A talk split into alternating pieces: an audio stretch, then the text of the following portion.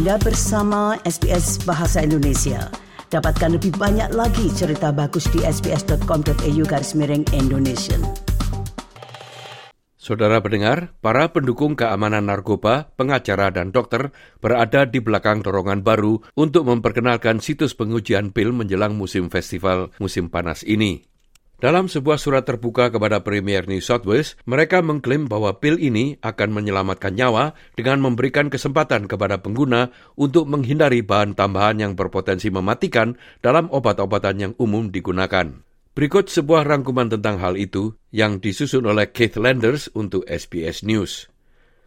Sebuah petisi kepada Premier New South Wales Chris Minns yang menyerukan pengenalan pengujian pil menjelang festival musim panas dimulai telah gagal total. Premier tidak berminat untuk mendapatkan pelajaran tentang keamanan narkoba. I know they want me to change our policy today, but I'm not going to do that. The truth is that there's no safe quantity to take of these illegal substances.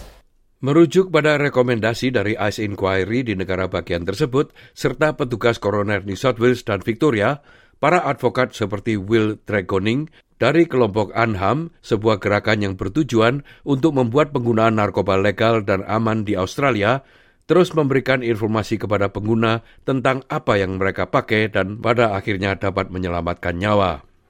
Scientific analysis and stigma-free advice in drug checking services helps people make better informed decisions about their drug use.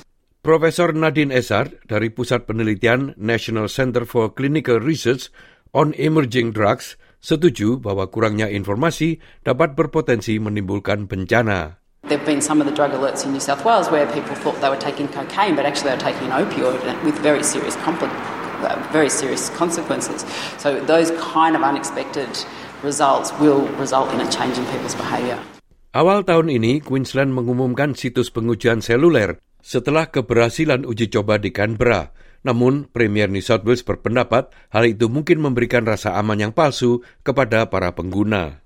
Might be overuse or overconsumption of that substance rather than there being a, a, a dangerous element that's been added to the drug.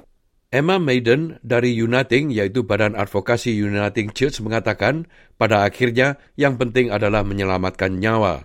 What we would say to the Premier is, if one life is saved, by introducing drug checking, then it will be worth it.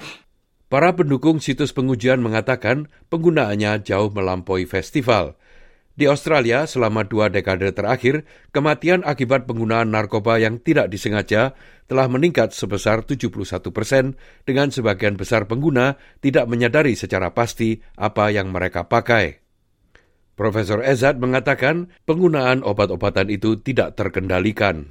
Particularly with drugs like MDMA, at sometimes there are, there's no MDMA at all and a lot of other psychoactive substances that might be in there. Sementara itu, bagi mereka yang menghadiri festival, gagasan melakukan tes tampaknya merupakan tindakan pencegahan yang masuk akal. It's one of those things where people are going to do it anyway if they want to, and you might as well make it as safe as possible for them to do so. I, I absolutely agree. I think it's a really good idea. I think it's very important to stay safe if you indulge in that type of stuff. Ternyata bukan hanya Premier New South Wales saja yang menolak gagasan itu, pihak oposisi New South Wales pun menyatakan mereka juga menolak tempat pengujian pil tersebut.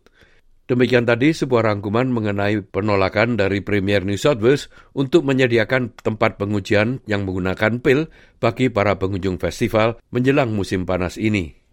Rangkuman itu disusun oleh Kath Landers untuk SBS News dan disampaikan oleh Ricky Kusumo. Anda ingin mendengar cerita-cerita seperti ini? Dengarkan di Apple Podcast, Google Podcast, Spotify, atau di mana pun Anda mendapatkan podcast Anda.